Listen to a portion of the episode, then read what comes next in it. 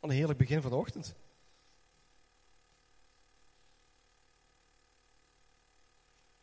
Goedemorgen, voor degene die nog geen goedemorgen heb gezegd.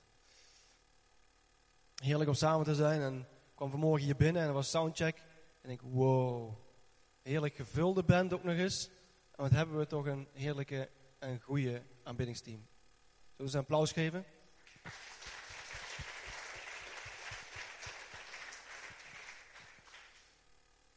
Sommigen vers overgevlogen vanuit Amerika. Splinternieuwe gitaar. Amen. Goed. Ik uh, heb een beetje een, uh, een, heft, of een heftige, een geweldige twee weken achter de rug. En uh, ontzettend genoten. heel bijzonder. Het eerste moment was eigenlijk dat we Celebration Weekend hebben gehad. Zou ik bijna alweer vergeten zijn, maar dat ben ik dus absoluut niet vergeten. Um, en sinds twee weken ben ik, ja, we hebben, we nog niet over, ik weet niet of er iemand al over getuigd heeft hier. Na Celebration Weekend. Is er al iets over gezegd? Te weinig, oké. Nee, alle gekheid op een stokje. Het was echt een, een geweldig, geweldig, geweldig weekend. We hadden een hele grote groep. God um, ja, zegende het. We hebben een geweldig team. Uh, als ik zie hoeveel meer jongeren, en het gaat niet om aantallen, in die zin dat het chic is om aantallen. Maar mij gaat het wel om aantallen als het gaat is omdat we een, iets mogen betekenen voor die aantallen uh, als team zijnde. Om hen iets te kunnen geven en te kunnen connecten en te kunnen laten zien wie God de Vader is. Als je in de leeftijdsperiode zit tussen de 12 en de 25. En dat vind ik zo belangrijk en dan kan ik er niet genoeg van die gasten hebben rondlopen. Dus het terrein is groot genoeg. Dus ik bid voor een uh, viervoudige vermenigvuldiging voor volgend jaar. En we zaten nu al op ongeveer... Uh, 160, goed zo. Um, want het was gewoon zo ontzettend geweldig. We hebben een superleuk team. Wat, uh, wat uh, allemaal, uh, ja, het gaat als een, als een, een, een, een motor. Ehm, maar als ik zie de getuigenissen die na zo'n weekend binnenrollen via appjes of via Instagram of via een mailtje van ouders die zeggen: hey, ik weet niet wat jullie gedaan hebben met ons kind. Wij hebben niks gedaan. Maar totaal veranderd. Ze liggen hier op de bank en het enige wat ik nog kan horen is de Bijbel of uh, aanbiddingsmuziek. En ik heb een heel ander kind. En daar word ik enthousiast van. Dat we iets mogen betekenen in een hele belangrijke fase. Als ik kijk, en dat is mijn drive. Toen ik 13, 14 was en naar een Soul, dat Naomi en Ben mij meesleurden naar Soul Survival. Even alle eer aan Naomi en Ben. En dat ik daar mijn ontmoetingen had met God die vandaag de dag nog altijd voor mij mijlpalen of stenen zijn in mijn leven, die ik neer heb gelegd en waar ik kan teruggaan. Hey, wacht even, Romeinen 8. Ja, dat is voor mij een moment dat ik naast het caravannetje van Naomi en Ben zat en zo'n ontmoeting had met God. En dat gun ik gasten van 13, 14, 15, 16 jaar ook zo ontzettend. En die hebben ze gehad. Die hebben ze gehad. En dat is, uh, dat is heerlijk. Dus um, dat was Celebration Weekend. En dan zeg ik denk ik nog veel te kort. Daarna hebben we hier uh, in de kerk hebben we een, team uit, um, eigenlijk over de hele de wereld, maar het was Greenhouse en daar hebben we ook iets over gedeeld. Dat wij hier uh, leiders vier dagen mochten, uh, mochten verwelkomen die zich klaar gingen maken voor Greenhouse. En Greenhouse, kassen, in het Nederlands dan. Greenhouse, dat is um, de eerste keer in, in Europa gehouden vanuit Brazilië, waar ik vorig jaar ben geweest. Hebben ze hier een soort bijbelschool, training in zeven dagen tijd voor mensen in Europa. Alleen Europa. Uh, dus we hebben hier ons voorbereid met een stuk of uh, twintig uh, jonge leiders. Vanuit Roemenië, Finland, Portugal, Oekraïne. Echt, je zaten allerlei landen vertegenwoordigd. Brazilië, Amerika. En nadat we hier, we hebben hier echt een geweldige tijd gehad. Hier in, in Schinnen. En Rijn en Marleen kunnen ervan van getuigen. We hebben genoten van de tijd die we hier als leiders hebben gehad. Daarna zijn we naar Kaatsheuvel, Loon op Zand zijn we geweest. En hebben we uh, eh, 110 man verwelkomd om uh, vanuit heel Europa jonge leiders um, rond de 25, 30 jaar, die of aanbiddingsleider of leider wilden worden, vanuit heel Europa. Om uh, daar getraind te worden in zeven dagen tijd. En ik wist niet wat, ik, wat me te wachten stond. Um, ik mocht meehelpen in het, in het team, qua organisatie. Um, maar we hebben daar nou vanaf de eerste dienst, en dat, vind ik gewoon geweldig, bij Celebration proef ik dat ook. Het is niet, we hebben niet twee, drie dagen nodig om ergens te komen. Nee, de eerste dienst, bam, is Gods aanwezigheid is daar. En ehm, dat is zo mooi om te zien. En we hadden met 110 man hadden we 32 landen vertegenwoordigd in uh, Loon op Zand, of all places. En zaten met 32 landen bij, bij elkaar. En dat was zo ontzettend mooi. We hebben een hele mooie tijd gehad. En uh, ja, de getuigen, wat mij raakt, is de getuigenissen wat God weer aan het doen is. In Roemenië, in Italië, in Spanje, uh, Scandinavië. Ga zo maar verder. Wat God aan het doen is. En dat mensen, dat de mensen klaargemaakt mochten worden in zeven dagen tijd en weer terug mochten gaan. En daarnaast dat ze geconnect mogen zijn met allemaal, via social media gaat dat tegenwoordig, maar dat ze geconnect mogen zijn met elkaar. Kijk wat God aan het doen is in mijn gemeente. Kijk wat God aan het doen is in mijn jeugdgroep. Ja, dat is, dat is heerlijk. Dat is heerlijk. Dus mijn twee weken waren een beetje gek. En uh, uh, tegelijkertijd ontzettend mooi. Ik heb uh, mezelf opgeofferd. was helemaal geen, eh, geen uh, iets. Om alle sprekers op te halen op het vliegveld. Dus ik heb volgens mij meer dan 2000 kilometer gereden naar Brussel, Düsseldorf, Amsterdam. Allemaal heen en weer. Um, en allemaal mensen opgehaald. Uh, van Jean-Luc Trachel en mensen die ze kennen. Ben Fitzgerald. Uh, heel veel sprekers. Um, en dat, ik vind het stiekem wel leuk, want die mensen krijg je normaal nooit gesprek. En dan heb je ze anderhalf uur naast je zitten. En dan moet je wel een gesprek aangaan. Ja, en dan, dan is het wel heel inspirerend. Goed. Dus we hebben een hele mooie tijd gehad. En wat ik ook heel erg trots op was, en ze is nu niet hier, uh, maar is dat Lotte ook mee was. Als deelnemer. En Lotte was erbij. En ik heb gevraagd om de getuigenis te geven. En dat gaat ze ook doen. Maar ze heeft een bom van een getuigenis. Um, dus ik ga niks verklappen. Goed. In het kader van Greenhouse en mensen die hier geweest zijn, kleine mededeling. Er staan nog vier matrassen beneden, waarvan ik niet weet van wie ze zijn. Dus als je matrassen hebt uitgeleend hier, dan neem ze alsjeblieft mee. Uh, want anders uh, nemen anderen ze mee. Um, maar ik kwam niet achter, want ik dacht even dat ze van een paar mensen waren. Maar als ze van jou zijn of je weet van wie ze zijn, dan neem ze alsjeblieft mee. En pas op, eentje is van uh, Loes en Jacob Jan. dus. Goed. Oké. Ik was aan het denken van, heer, wat, wat mag ik vertellen? En ik zat, ik zat te malen deze week en tegelijkertijd bleef er één ding iedere keer in me opkomen.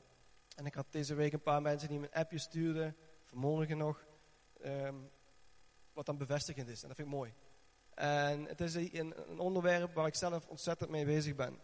Um, en waar ik steeds meer merk, als het gaat om, uh, Angela deelde het net, als het gaat om identiteit, wat, wie wij zijn als zoons en dochters.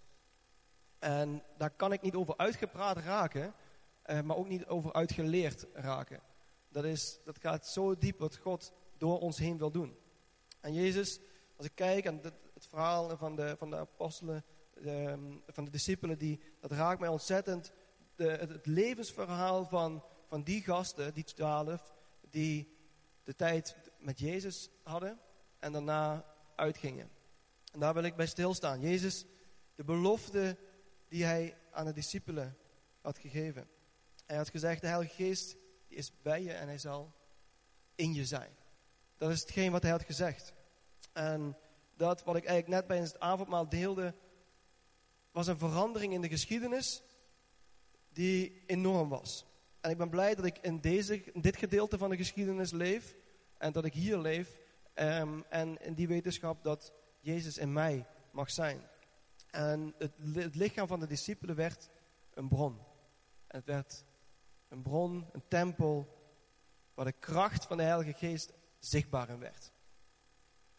Drie jaar lang hebben ze met Jezus rondgelopen.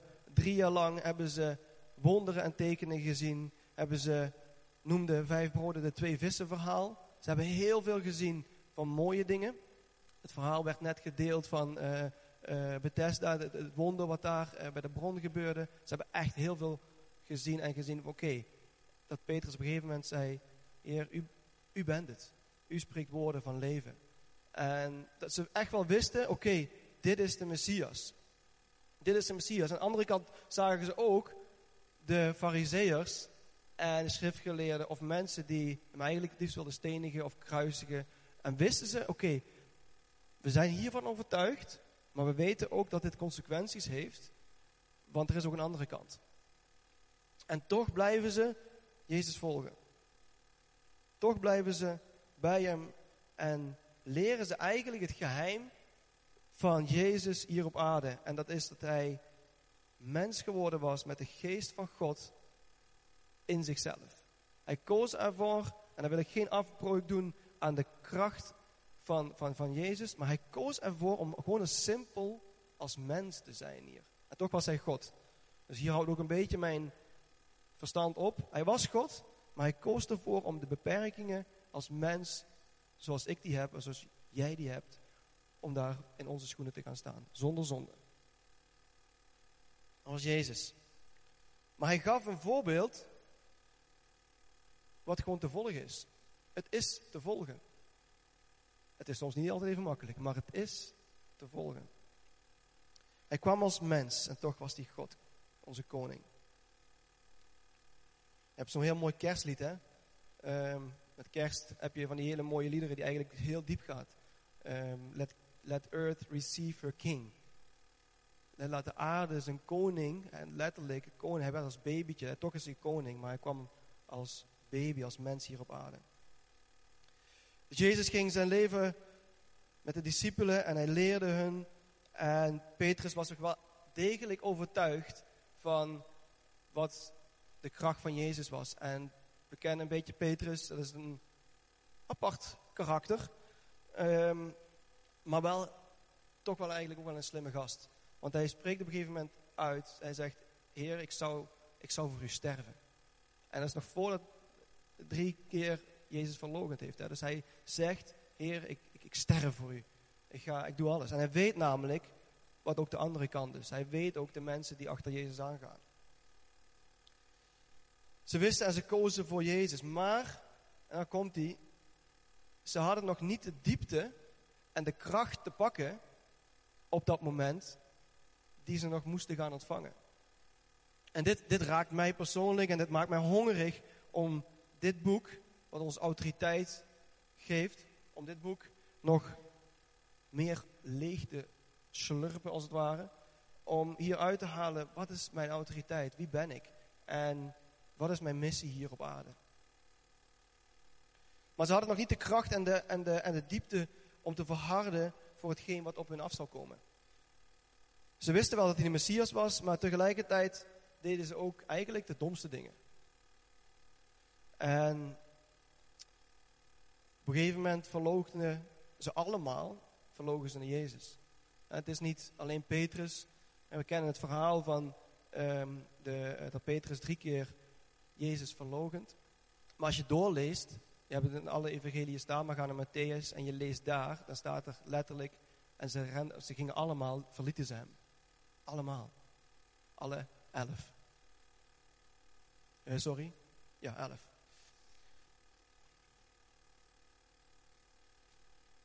En Johannes de Doper, die profiteerde over Jezus eigenlijk nog voordat hij hem zag. Ze noemen hem ook wel eens een van de grootste profeten, uh, Johannes de Doper. Maar die zag iets wat hij eigenlijk nog niet kon zien vanuit zijn eigen, wat wel ging gebeuren in de geschiedenis. Want hij zei, na mij komt iemand waarvan ik nog niet waardig ben om zijn schoenen te dragen. En hij zal jullie niet dopen met water, maar hij zal jullie dopen met... Ja, ik hoor drie verschillende dingen. Vuur en de Heilige Geest. Ja. Hij zal jullie dopen met vuur en de Heilige Geest. En dan heb je het moment dat Johannes de Doper, die staat daar. En ik, ik, stel me dat, ik ben vrij visueel ingesteld uh, als ik boeken lees. En dan zie ik me dat zo voor me. En Johannes de Doper wist dat hij tijdens zijn dopen, dat hij de Messias zou, uh, uh, zou openbaren. Dat hij erachter zou komen wie is de Messias als hij aan het dopen was. Dus ik zie het zo voor me, dat hij daar letterlijk staat in het water. Ja, Jordaan. Nee, jij bent het niet. In zichzelf, hè. Jij bent het niet. En nog voordat hij het moment heeft dat hij Jezus letterlijk in het water heeft, en hij vertelt het, hè, want waar hij dit zegt, hij vertelt het aan de groep, er komt iemand en ik ben nog niet eens waardig om zijn schoenen te dragen, maar hij zal jullie dopen met de Heilige Geest en met vuur. Dan ziet hij Jezus aankomen en hij zegt, dat is de Messias. Dat is de Messias. En dan gebeurt eigenlijk het meest enge wat voor Johannes op dat moment kan gebeuren. Want die, waarvan hij de openbaring van God heeft gekregen, wie het is en wat hij gaat doen, die komt naar hem toe gelopen. En die komt naar hem toe van, wil je me dopen? En Johannes de Doper heeft daar iets ontvangen van God dat hij weet, nee wacht even, ik ben het niet waardig om jou te dopen. Jij moet mij dopen. Jij moet mij dopen. Doop mij alsjeblieft met de Heilige Geest en met vuur. Dat weet Johannes, maar Johannes de Doper leeft in een periode dat hij niet eens weet, of niet eens is, uh, niet, niet, eens, hij zou het niet kunnen weten, uh, dus het is van God. Maar hij leeft ook in een periode dat het niet mogelijk is om dat te ontvangen. Dus hij leeft in een periode dat het nog niet mogelijk is om de Heilige Geest, een doop met vuur, te ontvangen.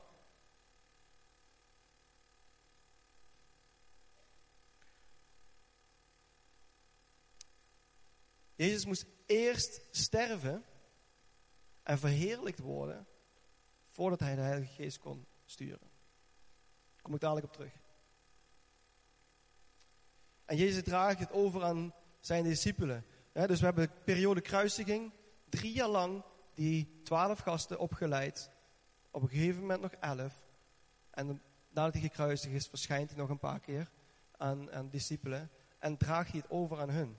En ik las hier zo doorheen en ik dacht van, wow, je moet wel eigenlijk heel veel vertrouwen hebben in die gasten die je net verlogend hebben, die misschien voor mij doen nog helemaal niet klaar voor zijn, om te zeggen, oké jongens, ik ga nu naar de hemel en ik draag het over aan jullie elf.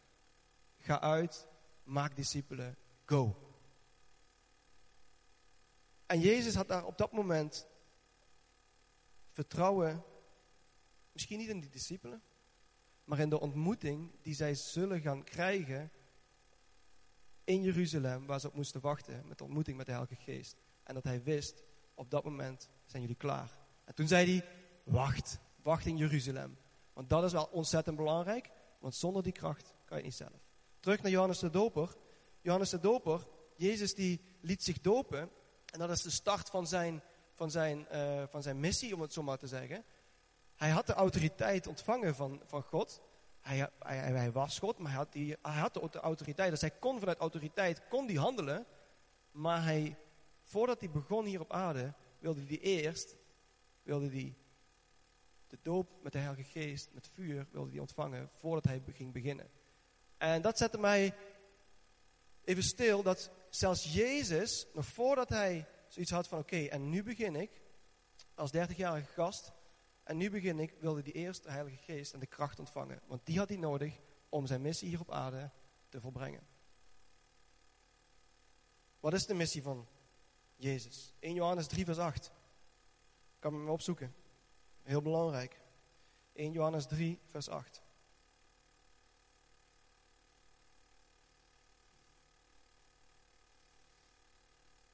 ...1 Johannes 3 vers 8. De opdracht van Jezus hier op aarde.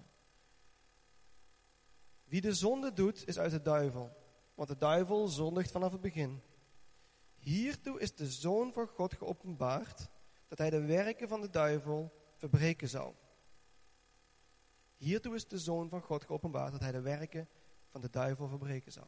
Dus Jezus was hier op aarde en hij is hier gekomen als een babytje en hij wist eigenlijk al als tiener en als, als jonge gast wist hij wat zijn opdracht was. En hij zag heel veel werken van de duivel om zich heen, maar hij moest wachten. Hij moest wachten op dat moment dat God hem zei, oké, en nu ga je. En zijn opdracht was om de werken van de duivel te verbreken. En naar het dode rijk te gaan. God zond een baby, een baby zond hij hier op aarde, om eigenlijk een reus te verslaan. Het is zo mooi dat hij zoiets kwetsbaars hier naartoe stuurt, maar vanuit die autoriteit en dan die kracht in staat is om te breken met de duisternis. Dat is onze Jezus. Geboren uit een vrouw. Hij moest 30 jaar wachten. En de autoriteit die had hij dus. Die kreeg hij van de Vader. En daarna kreeg hij de kracht en de doop met vuur. En in Lucas 3, vers 16 lezen we dat. In Lucas 3, vers 16 lezen we. En het geschiedde toen al het volk gedoopt was en Jezus ook gedoopt was aan het, en aan het bidden was, dat de hemel geopend werd en de Heilige Geest op hem neerdaalde in lichamelijke gedaante als een duif. En er kwam een stem uit de hemel die zei, U bent mijn geliefde zoon, in u heb ik mijn welbehagen. Springen we door naar Lucas 4, vers 1. Jezus, vol van de Heilige Geest, keerde terug van de Jordaan en werd door de Geest naar de woestijn geleid. Dus, bewijs, Lucas 4, vers 1, gevuld met de Heilige Geest, ging hij de woestijn in en was hij klaar voor zijn opdracht. Ik wil klaar zijn voor mijn opdracht en ik wil die kracht van de Heilige Geest, die hebben we nodig. Die hebben we allemaal nodig. Hij kwam met autoriteit, wij hebben autoriteit. En vaak weten we dat we autoriteit hebben.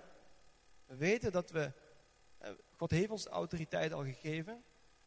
En ik denk dat als je iets wilt onthouden van de boodschap van vandaag, dan is Hij heeft ons de autoriteit gegeven, maar daarnaast is ook de kracht. Dat het gaat samen. Het gaat niet, op, gaat niet los van elkaar. De kracht gaat niet los van de autoriteit, absoluut niet.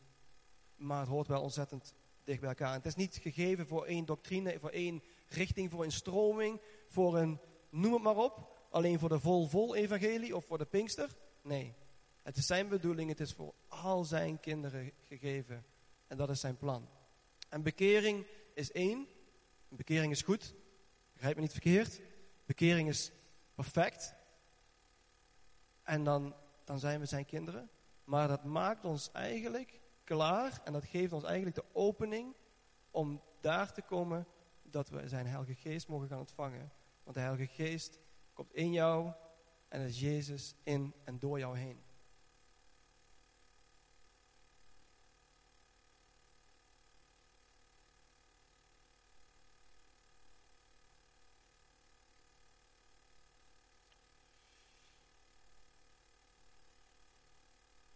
Lucas 9, dan lezen we dat de discipelen, dat die uitgezonden werden. Lucas 9 zijn ze nog niet gedoopt met de Heilige Geest, maar ze gaan uit en ze doen allemaal wonderen en tekenen. Ze komen terug en zijn er helemaal vol van. Verhalen is niks is bekend. Ik sla hem niet open. Ehm, maar Lucas 9, daar zien we dat de discipelen weggaan en terugkomen. En dat, ze, en dat Jezus hen ook aanspreekt op het einde. En ze teren daar, teren ze op de autoriteit van Jezus. Hij geeft hun autoriteit mee. En dat is oké. Okay. Ik had een getuigenis in Greenhouse vorige week. Een getuigenis dat een van de sprekers aan het vertellen was toen hij uh, ergens was. En hij was bidden en er gebeurde wonderen en tekenen. En hij was wat jonger uh, toen nog. Hij was aan het bidden en er gebeurde wonderen en tekenen. En God deed mooie dingen. En hij ging naar huis in zijn eigen omgeving en God deed niks meer. Is dit? Dus hij ging op zijn knieën en hij getuigde daar zelf van. Dus dat is zijn getuigenis. Hij getuigde daarvan en hij zei, op dat moment zei God tegen mij, je teerde op de autoriteit en op de kracht van de mensen die bij jou waren op dat moment en niet op die van jezelf. Dat zette mij wel aan het denken. Ik dacht van, oké. Dat zette mij echt aan het denken dat hij, net als hier in Lucas 9, de discipelen teerden op de autoriteit en op de kracht van Jezus en nog niet ontvangen hadden wat Jezus wel bedoeld heeft voor ons. Jezus ging naar het dodenrijk en hij ging daar, zij werd gekruisigd en hij ging naar het dodenrijk toe om de duivel te verslaan. Amen? Ja. Hij ging er naartoe en daar ontmoette hij de heilige. Daar ontmoette hij, eh, je leest in de Bijbel dat de graven gingen zelfs open en er liep, liepen rond. Dit is een beetje een scary verhaal. We hebben geen kinderen meer hier zitten. Dus je moet je voorstellen, Jezus werd gekruisigd, het is volbracht. Hij gaat naar het dodenrijk toe, de graven gaan open. En hij neemt een stel gevangenen, heiligen, neemt hij mee als bewijs naar de Vader om te zeggen, hier, het is volbracht. En op dat moment, als hij daar is, dan is de verheerlijking. Maar hij is nog in dodenrijk. Hij neemt hij mee, en dan komt het enge gedeelte. En je leest letterlijk in de Bijbel, dus ik lieg niet, het is niet mijn eigen verzonnen verhaal, maar het staat hier gewoon dat de heiligen door Jeruzalem liepen en tot mensen de heiligen zagen. Sommige mensen zaten. Dus, moet je voorstellen, je loopt door Jeruzalem. Het wordt donker, denk ik. Uh, Jezus is gekruisigd, gaat naar dodenrijk. Het is hartstikke scary al. En dan zie je in één keer David lopen, Salomo lopen, Abraham lopen. Ik vond het best eng. En mensen zagen hem, hen en herkenden hem. Maar moet je je voorstellen dat David daar door die stad heen loopt. En eigenlijk door die stad heen loopt en denkt van, wow, deze straat is veranderd. Hoe ziet de tempel er zo uit? Ik denk echt dat ze even de tijd hebben genomen om te kijken in Jeruzalem hoe het erbij zit, hoe het erbij staat. Want Jezus was heel even afwezig. Want Jezus is naar het dodenrijk, je kan het allemaal nalezen, hè? dat is niet mijn verhaal. Jezus is naar het dodenrijk gegaan, gaat terug met die gevangenen, loopt door Jeruzalem, staat er letterlijk. En op dat moment gaat hij naar Maria toe. Naar Maria, die staat te huilen bij het graf. En hij komt daar en zij denkt op dat moment dat het de tuinman is. Dus hij laat die heilige even voor wat het is. Want er staat letterlijk dat ze in Jeruzalem aan het lopen zijn. En het graf was ergens anders, was een stukje ervan af. Dus Jezus loopt daar naartoe, die gaat er naartoe. En ze herkent hem niet. Ze denkt eerst dat het de tuinman uh, is. Maar op een gegeven moment hoort ze leven in zijn stem. En zegt ze, Jezus, u bent het. Ze rent naar hem toe. Ze pakt hem vast. En wil hem eigenlijk gewoon vasthouden. En dan zegt Jezus iets heel moois. Hij zegt, hou me niet vast, want ik ben nog niet bij de Vader geweest. Hij heeft op dat moment zoveel compassie voor Maria, op dat moment dat hij de tijd neemt om even in die belangrijke geschiedeniswisseling die daar even plaatsvindt, om toch even naar Maria te gaan en even naar haar toe te gaan, zodat ze bij hem kan zijn. En dan komt nog iets veel mooiers. Het is de naam Maria. En Maria, de moeder van Jezus, heeft Jezus op aarde gebracht. Jezus kwam hier op aarde als, als babytje en in, door een vrouw, maagd, staat voor puurheid, reinheid, schoon, kwam hij hier op aarde. Zo kwam hij hier en het moment dat hij gekruisigd werd, kwam hij ook Maria tegen, maar een andere Maria. Maria de Hoer. En dat staat voor die genade hier, jongens. Wat gebeurd is, waar hij zegt, jongens, het is volbracht. En jij kan tot mij komen, Maria.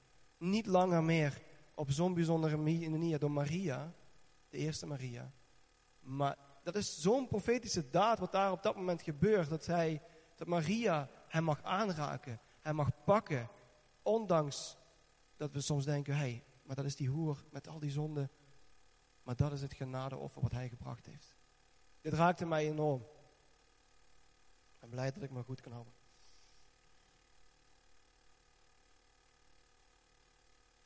De graven gingen open. Matthäus 27 als je wil nazoeken. De heiligen liepen met hem mee. En mensen zagen zelfs de heiligen in de stad. En dit is een mega verandering in de geschiedenis, jongens. Dit is zo ontzettend belangrijk dat we dit mogen beseffen. Dat het autoriteit hebben en de kracht en het vuur van de Heilige Geest. En ik ben blij dat we onszelf Pinksterkerk mogen noemen. Maar het maakt niet uit of het deze naam is, of dat een andere naam is. Maar dit is de belofte en de bedoeling die Jezus heeft voor jou en voor mij. En dat verandert alles. Dat verandert alles. Het is geen tijdelijke aanraking meer, maar het is een onophoudend vuur, diep van binnen. En een rivier die stroomt en niet meer stopt. Dat is wat de Heilige Geest door jou heen wil doen. Johannes 7, vers 37. Ik zie dat ik nog een paar minuutjes heb, maar ik ben misschien wat gefocust, maar ik vind het zo belangrijk om hier. Dit is gewoon geschiedenisles die onze identiteit bepaalt. Dus ik wil echt een paar dingen aanhalen. Johannes 7, vers 37. En op de laatste dag, de dag, de grote dag van het feest, stond Jezus daar en riep: Als iemand dorst heeft, laat hij tot mij komen en drinken. Wie in mij gelooft, zoals de schrift zegt, stromen van levend water zullen uit zijn binnenste vloeien. Dus dit zegt hij nog voordat hij gekruisigd is. Dus dit is profetische daad wat Jezus hier doet. Dus mensen zullen wel gedacht hebben, de. Vers 39, en dit zei hij over de geest. Want daar heeft hij het over. Die zij die in hem geloven ontvangen zouden. Want de heilige geest was er nog niet. Omdat Jezus nog niet verheerlijkt was. even bevestiging voor het verhaal wat ik net vertelde. Jezus kon zijn geest nog niet versturen, sturen omdat hij eerst verheerlijk moest worden. Ik vroeg me wel eens af, Heer, bijvoorbeeld in Lucas 9, of voor die discipelen, kon u de Heilige Geest niet gewoon eerder geven aan de discipelen? Of aan Maria? Eh, dat was een stuk makkelijker geweest. Maar als je de eigenschappen van de Heilige Geest op een rijtje gaat zetten, hij helpt je, hij troost je, hij steunt je. Nou, we hebben de, de, de, de eigenschappen van de Heilige Geest en je zet daar een dikke streep onder en je maakt er een opstelsom van, dan, is, dan staat er eigenlijk dat hij maakt je zoals Jezus is. En hij kon de Heilige Geest gewoon simpelweg niet eerder geven. Omdat als de Heilige Geest op dat moment de discipelen gevormd had, dan zou hij de discipelen gemaakt hebben naar een Jezus die nog naar het kruis moest gaan. En niet een Jezus die verheerlijk was en die het offer al betaald had. Volgen jullie me? Een slok wordt een rivier. Wat je ontvangt, komt vervolgens eindeloos uit jou. Stop niet. Dat is de Heilige Geest. Een slok wordt een rivier. Dat is profetische taal. Ik neem een slok. Als we het toch over water hebben. En als je iedere keer, en ik vertelde het vanmorgen tegen Rebecca, en ik deed het nu ook, dat als je iedere keer als de Bijbel het heeft over water in profetische taal, dus hè, als we de, profeet, eh, de, de, de, profetische woorden over water lezen, hè, dan is het een, een, bron in de woestijn, rivieren in de bergen, uh, regen wat neerdaalt. Iedere keer is er een crisis aan de hand en heeft, is er een natie of een volk is in, in, in nood en profiteert een profeet of een profetes op dat moment dat Gods kracht eroverheen zal komen met zijn geest en herstel zal brengen. Iedere keer als het over water gaat, check het alsjeblieft, maar iedere keer als het over water gaat in de profetische daad, dan is het als er een profetisch woord uitgesproken wordt over water, dan komt hij met zijn kracht om herstel en genezing te brengen.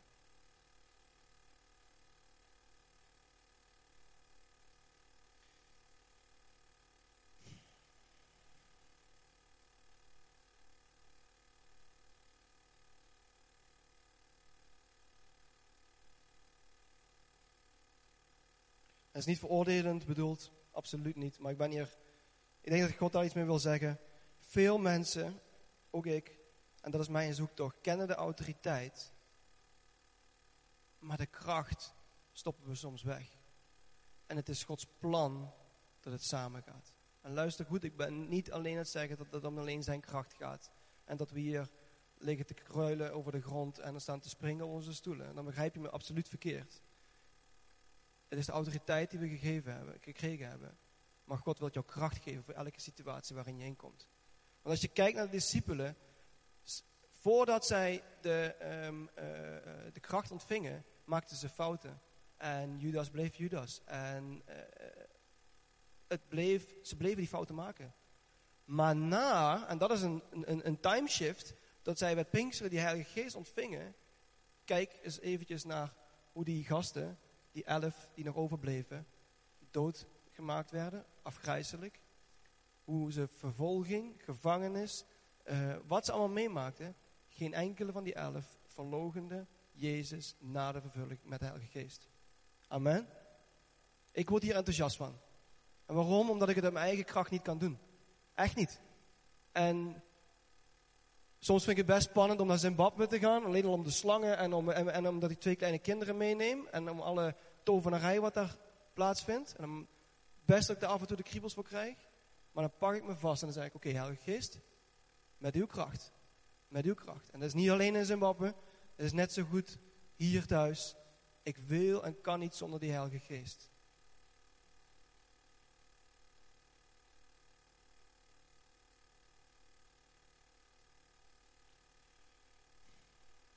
En hij heeft het bedoeld voor alle, alle, alle gelovigen. Het is bedoeld om je versteld te laten staan van de kracht welke in je is. En in je omgeving te beïnvloeden. geen meer kracht heeft dan al je eigen kunnen. Alles. Omdat je bekleed bent met vuur van de levende God. Als ik één ding heb mogen proeven afgelopen weken met jonge gasten, is dat de jonge gasten bekleed werden met vuur om terug te gaan de plek waar ze waren, op school, op hun werk. En de Heilige Geest zo ontzettend nodig hebben om een verandering te maken in Europa. En dat is God aan het doen. Neem dat maar van me aan. Matthäus 28, vers 18. Die kennen we, maar ik ga hem toch lezen. De grote opdracht. Matthäus 28, vers 18. Maak alle volken tot mijn leerlingen. En Jezus kwam naar hen toe, sprak hen en zei: Mij is gegeven alle macht in hemel en op aarde. Ga dan heen, onderwijs al de volken, hun dopend in de naam van de Vader, van de Zoon en van de Heilige Geest. Hun lerend alles wat ik geboden heb in acht te nemen. En zie, ik ben met u al de dagen tot de voleinding van de wereld. Amen. Dit is onze opdracht. En dat was niet amen omdat we deze vaak doen als einde van de preek. Maar dat was amen omdat het hier staat.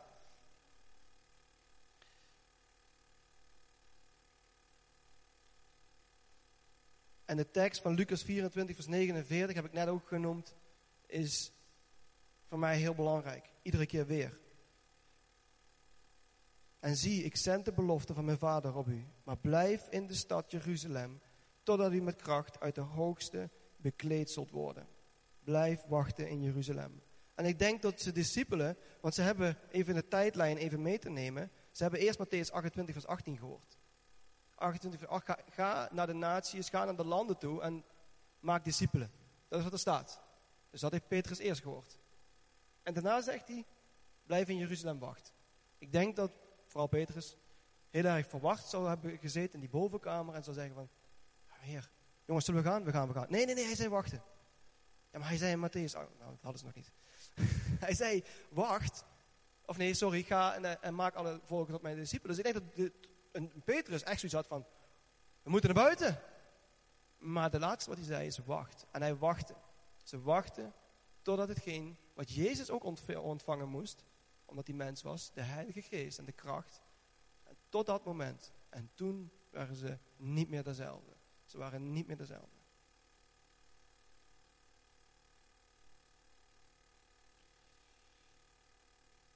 Ik geloof, en dat is voor, voor jou, voor mij, dat God je opnieuw wilt vullen met vuur als je dat nodig hebt. En mijn boodschap hier deze ochtend is, duik je nog eens in. Duik je nog eens in en om te laten landen hoe belangrijk het is wat wij hier op aarde en wat jij en ik in ons hebben. En dat is A, die autoriteit. Want dit geldt vandaag nog altijd. Het is belangrijk. Belangrijk om teksten, en dan ben ik een beetje flauw, maar belangrijk om teksten uit je kop te knallen. Um, en te weten, als het moet, te kunnen zeggen, ja maar wacht even, dit zegt zijn woord. En dit zegt hij over mij en over jou. En dit zegt hij over de gemeente. En daarnaast hebben we het zo hard nodig. En dankzij hem mogen wij ontvangen dat zijn geest, Gods geest, koning, zo groot, in jou woont. Dat kan, kan ik niet vatten met mijn hersenen. Maar in jou woont en met zijn autoriteit, met zijn kracht, door jou heen wil laten zien wie Jezus is in jouw omgeving. Amen. Ik wil vragen of de band naar voren komt. En we zingen gewoon een slotlied en dat Rijn daarna de dienst afsluit. Maar ik wil het niet aan mij voorbij laten gaan dat we met gebedsteam ervoor kiezen. Als jij hiervoor wilt kiezen en je hebt opnieuw een doop met vuur nodig. Dat we nadat Rijn de dienst heeft afgesloten, zo zullen we het maar doen. Uh, en de band ook nog eventjes blijft. Maar dat we de doop van de Heilige Geest, dat, we daar, dat je daarvoor naar voren komt en dat we daarvoor gaan bidden. Omdat we die gewoon keihard nodig hebben. En omdat Hij het gewoon ontzettend graag wilt dat jij dat hebt. En ik heb het al eens een keer eerder gezegd. Als je hem één keer hebt ontvangen, top. Maar in Johannes 2 werden de discipelen gevuld met de Heilige Geest. Maar Johannes 4, sorry, zei ik dat nou goed? Um, handelingen. Handelingen 2 werden ze, was de, de Pinksteren, ze werden vervuld met de Heilige Geest. En in Handelingen 4, en dat was niet twee weken later, maar dat was een paar jaar later, werden ze opnieuw vervuld met de Heilige Geest. Dus ook ik, is mijn gebed iedere week, Heer, vul mij opnieuw met uw vuur. Heer, waar ik nu vandaag naartoe ga, of waar ik volgende week of volgende maand naartoe ga, ik heb uw vuur nodig. Ik heb uw vuur nodig. Amen.